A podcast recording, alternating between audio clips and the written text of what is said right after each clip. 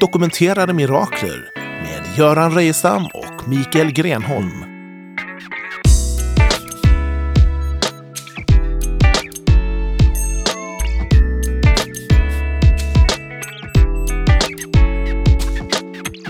Hej kära lyssnare och välkommen till ännu ett avsnitt av Dokumenterade mirakler.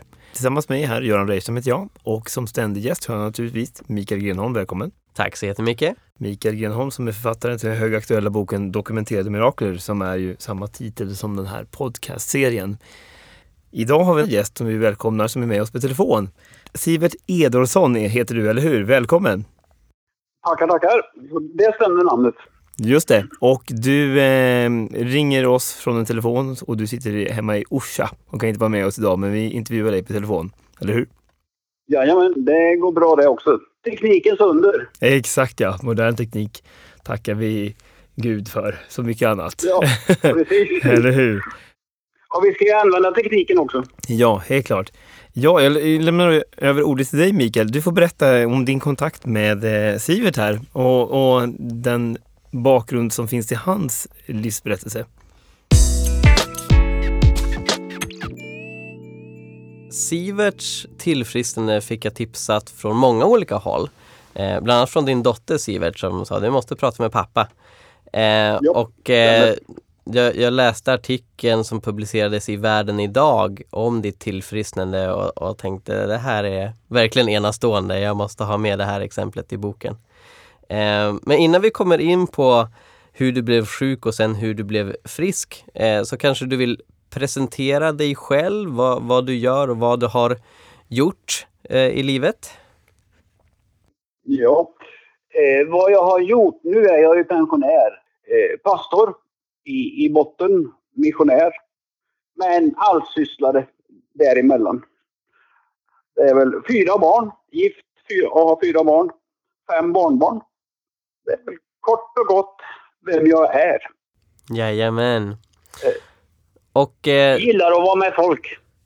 Ja, det låter bra. det märks.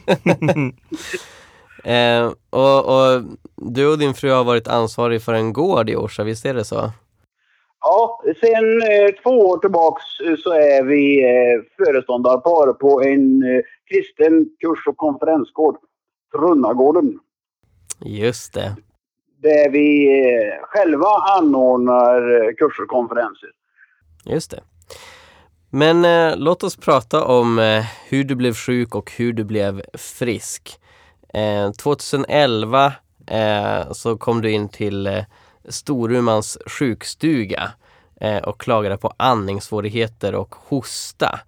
Eh, vill du berätta om hur, hur, du märkte de här andningssvårigheterna och vad, vad du tror satte igång de här andningssvårigheterna?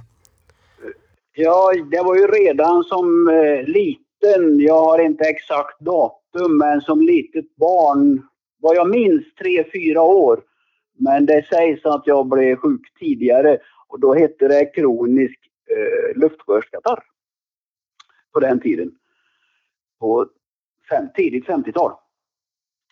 Och eh, sen gick det till och från eh, under uppväxten, eh, mellanstadiet kunde jag inte, klarade jag inte slöjden eh, träslöjd för det var för mycket lukter. När mamma och pappa skulle måla om hemma eller reparera då var jag tvungen att flytta hemifrån. Jag klarade inte lukten. Eh, sen har jag inte årstiden eller årgången exakt men någon gång på 90-talet så var jag på Nyhemsveckan och en av mina döttrar bad för mig och jag blev bättre. Men sen kom det tillbaks 2011. Då hade vi en påskvandring eh, för barn, låg och mellanstadiet. Och då använde vi sån här rökgas, eller rök, för att komma in i en annan atmosfär. Och det var det som löste ut att jag blev sjuk igen. 2011 ja. Och successivt så blev jag sämre med åren. Och det hade gått så långt så jag gick de sista åren med rollator. Hade mycket medicin och enligt eh, mina journaler så åkte jag ut och in på vårdcentralen i Storuman, vi bodde där uppe då, och eh, Lycksele lasarett. Och hur, Ja, så. och hur är det när du säger du går med rullator? För att förstå den som inte har eh, astma eller luftvägsinflammationer.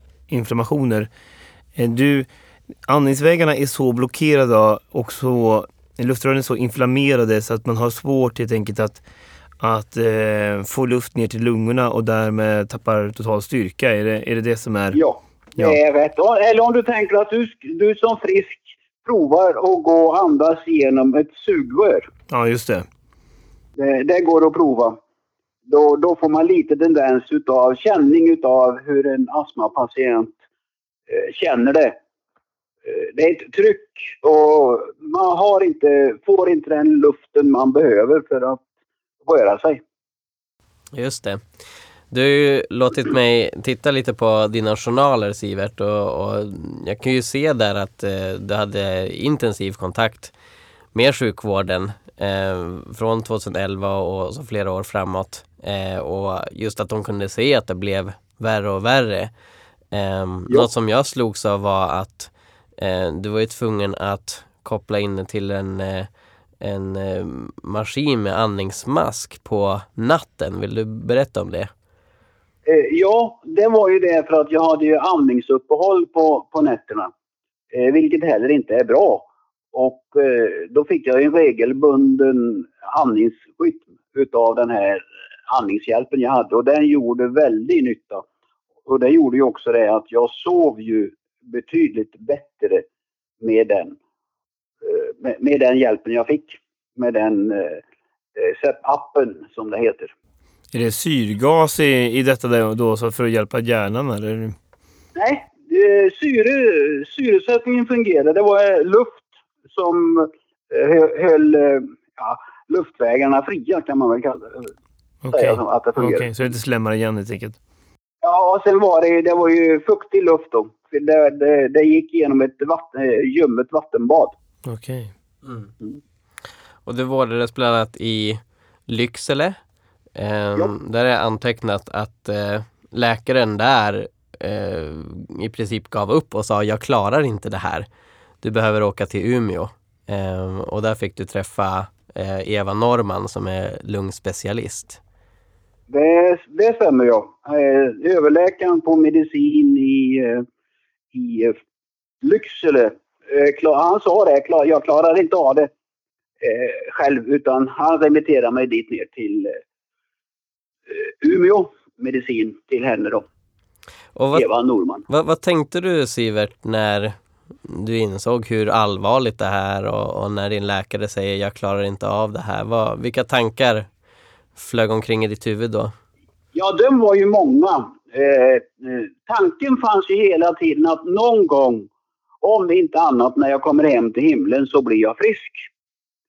Eh, det var jag väl medveten om och eh, den tillförsikten, den tron och det hoppet hade jag. Eh, sen har ju vi en annan tideräkning än vad Gud har.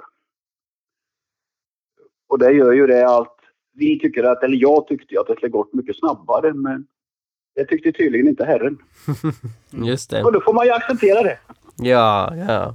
Mm. Ehm, och eh, hur var det att vara pastor under de här omständigheterna?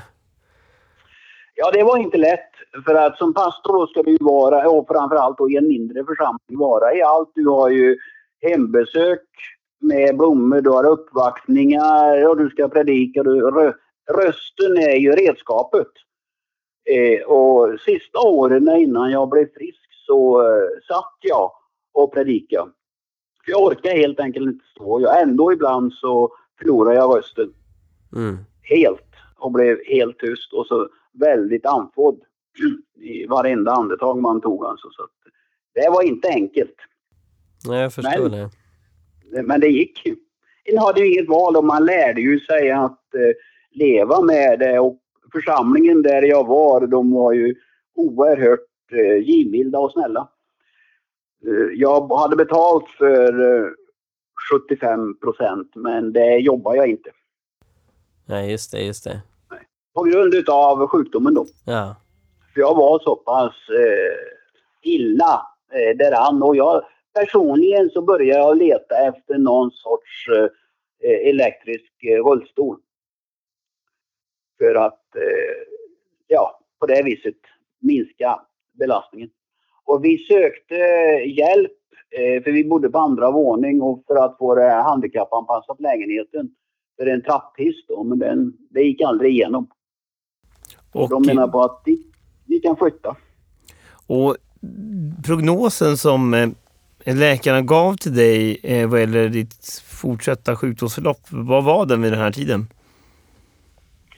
Ja du, det kommer jag inte ihåg. Det var, det var alltså, de fanns ju ingen bättring och även hon eh, Eva Norman i slutet där sa att eh, jag kan inte hjälpa dig mer för jag är fullmedicinerad och vi har ingen mer hjälp eh, du kan få. Så att det är egentligen lika bra att du fortsätter åka till eh, Lycksele. För vi, de hade inte mer medicin och inget mer hjälpmedel heller som jag kunde få. Så i korta drag så kan man säga att du stod inför förtidspensionering och få alla hjälpmedel, praktiskt rullstolar och så vidare att ha i hemmet och, och leva på det här sättet resten av ja. livet? Ja, ja det, alltså jag hade ju börjat att söka eh, för, ja, med papper och alltihopa som det innebär då med förtidspensionering. För Försäkringskassan, när jag var sjukskriven, eh, de godkände aldrig det. Jag blev aldrig sjukskriven men mer än kortare tid. För de menar på att eh, en läkare som aldrig hade sett mig, att ett astmapatient ska kunna gå över. Ja, just det. Men, men, ja, men det, det trodde de, det trodde inte de på i Umeå nej. då? Nej. Nej, nej, nej, nej, nej. Och de, hon skulle ju hjälpa mig då att eh, få igenom alla papperna för att bli förtidspensionär. Och jag sökte som sagt även hjälp då eh, för att bygga eller göra om eh, lägenheten eller framförallt en trapphiss. Men det gick inte kommun med på.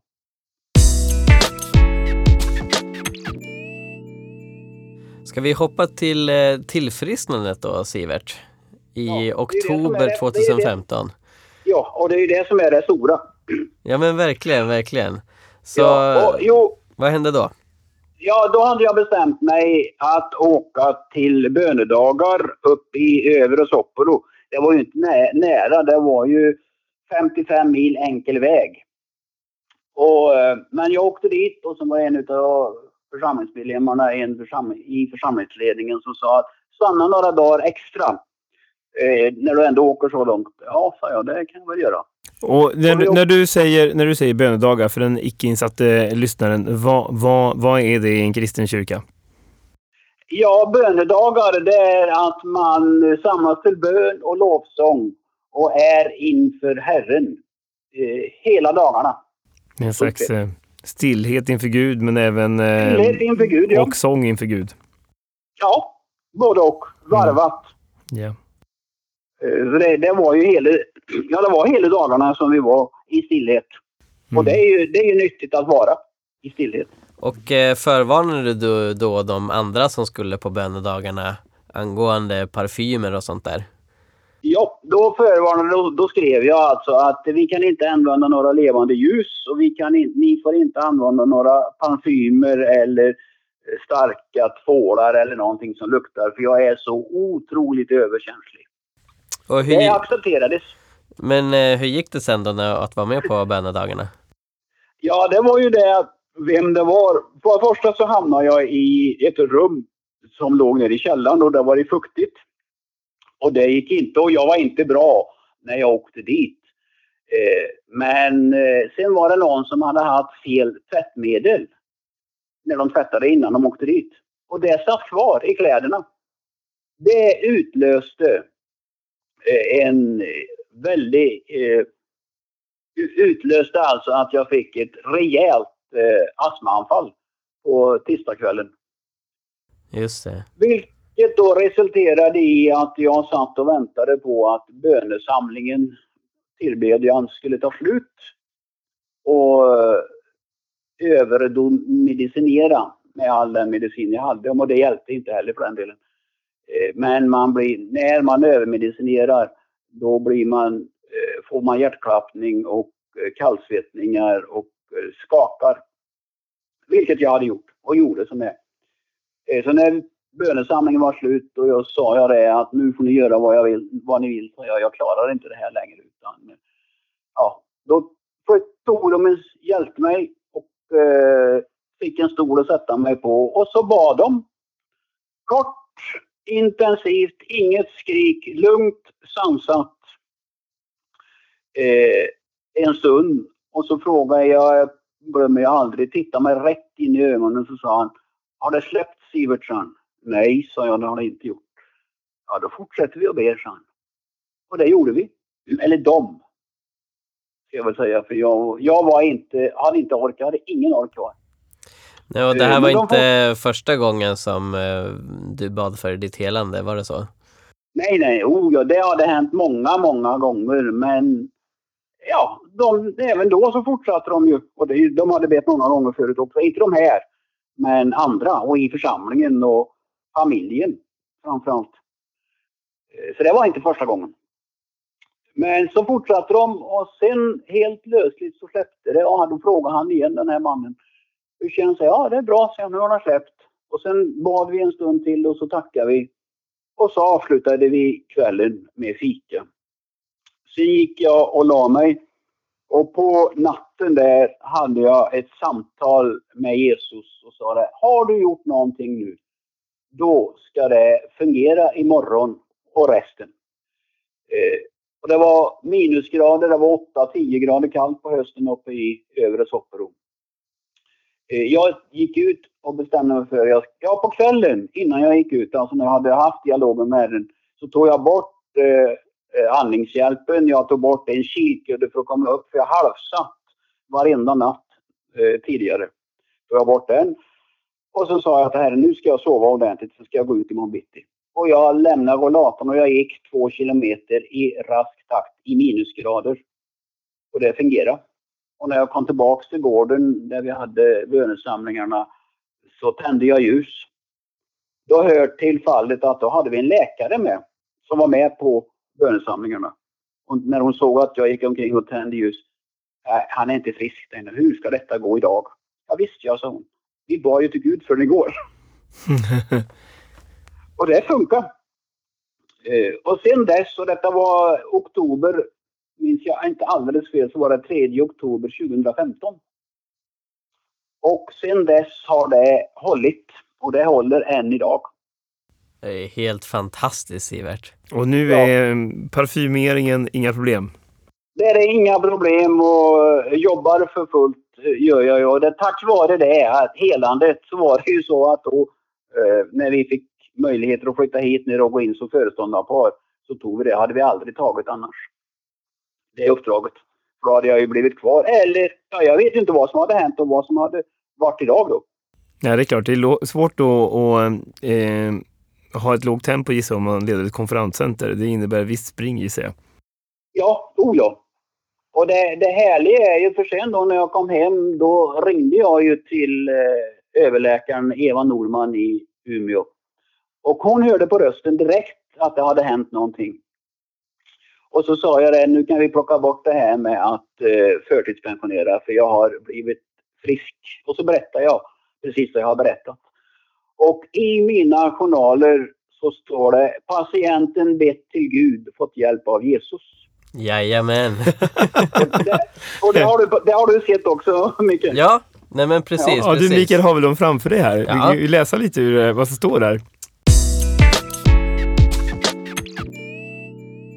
Då skriver eh, Eva Norman eh, den 21 oktober 2015.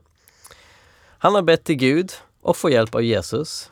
Och nu sedan någon månad tillbaka, eller rättare sagt sedan i augusti någon gång, inte tagit någon som helst astmamedicin och inga besvär längre och heller ingen allergi. Mycket nöjd med detta. Tycker inte att han behöver komma ner till oss igen eftersom han nu mår bra.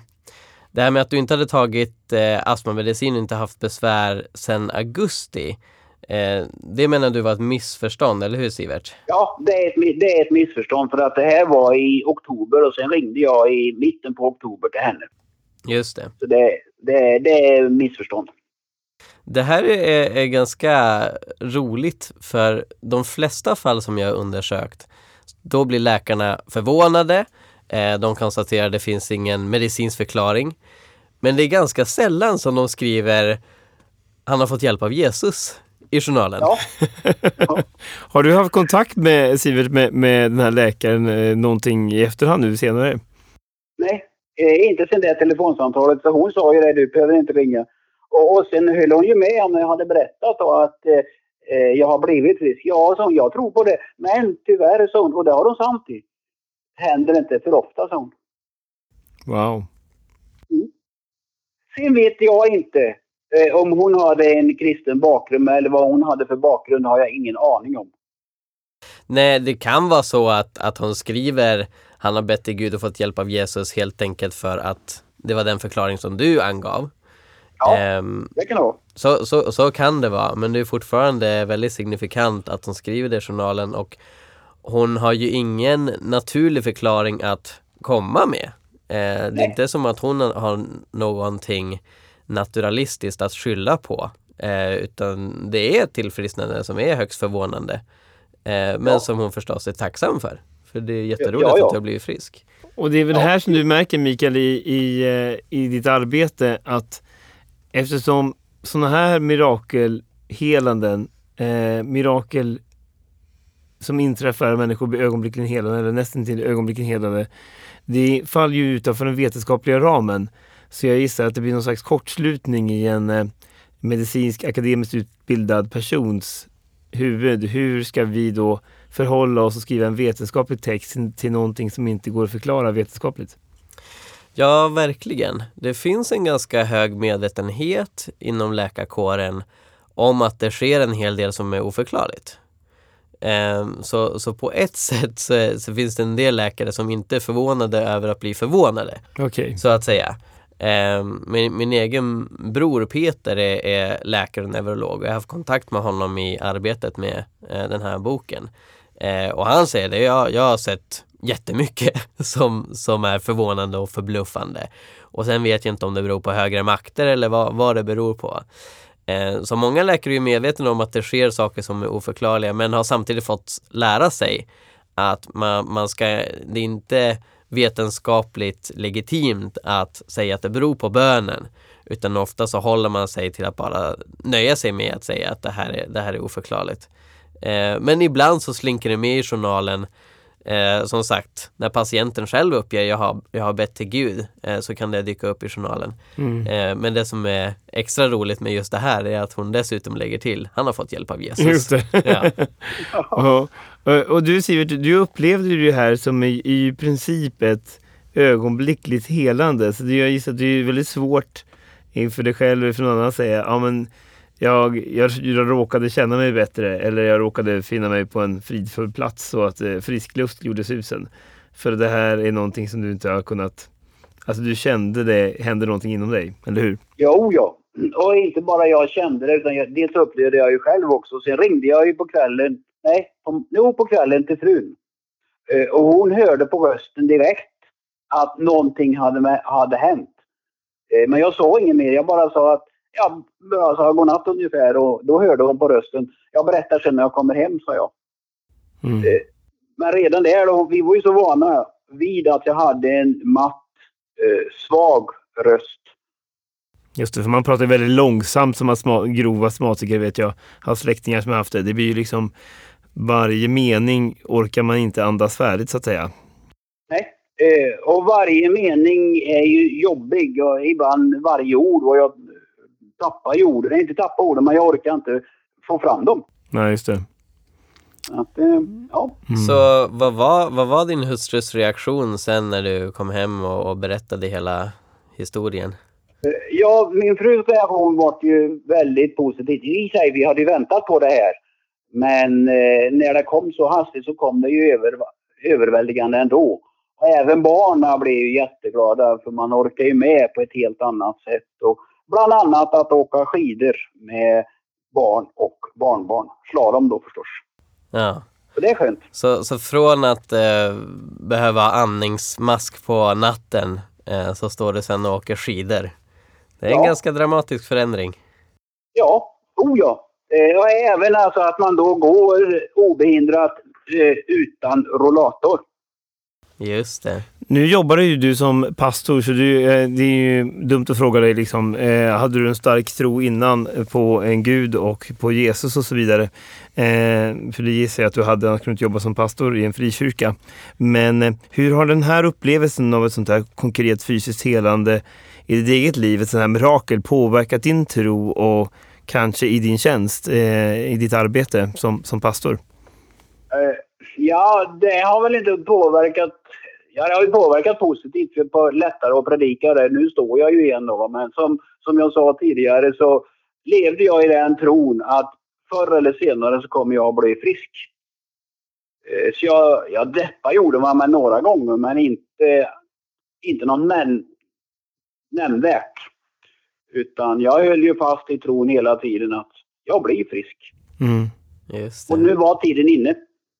Ja. Mm. Vi har en tideräkning men Jesus har en annan. Nej men verkligen, verkligen. Och, och den förstår vi inte. Och det är väl inte meningen att vi ska, för vi behöver inte förstå den. Det räcker att vi har tilliten, förtröstan på att eh, Jesus är verklig idag. Precis, precis. Um, hur har reaktionen varit från människor som inte tror på Gud? Ja, uppe i byn, då var det ju en liten by som vi bodde i uppe i Storuman. Eller utanför Storuman. Eh, där gick ju samtalsämnet eh, runt kaffeborden och eh, ja, hemma i stugorna. Och en han sa så här, jag är inte bekännande kristen, jag tror inte på sånt där. Men någonting har hänt med Sivert. Just I positiv beriktning. Eller ja. positivt. Ja. Mm. Mm. Så det gör ju det att han var ju, de var ju väldigt positiva och glada. För de såg ju när jag gick med rullatorn sen dagarna efter när jag kom hem, då var jag ute och skottade snö. Vilket mm. jag inte hade kunnat gjort förut. Nej. Ja, det är fantastiskt. Fantastiskt att höra. Eh, spännande. Jesus botade efter förbön. Det är en bra medicinjournal. Ja. ja. Precis. är, det, är det någonting eh, Sivert du vill skicka med till eh, lyssnare som kanske själva befinner sig i en svår sjukdomssituation eller känner att det är hopplöst? Ja, det, för Jesus så finns det inga hopplösa fall. Det är eh, håll ut, eh, ha förtröstan. Det som är omöjligt för människor, det är möjligt för Gud, står det i evangelierna. Just det, just det. Eh, Sivert, Stort tack för din medverkan här ifrån eh, Orsa, säger vi från Södermalm i Stockholm där vi sänder det här programmet. Gud välsigne dig får vi säga. Eh, jag säger till er lyssnare att nästa avsnitt så får vi inte en, ännu en intervju med ännu ett spännande, mirakulöst tillfrisknande på samma sätt. Och tack än en gång Mikael för din medverkan i programmet som alltid. Tack, tack. så jättemycket. Så hörs nästa gång. Tack. Hej. Har du blivit berörd av det här programmet eller har någon fråga? Skriv ett mejl till info dokumenterandemirakler.se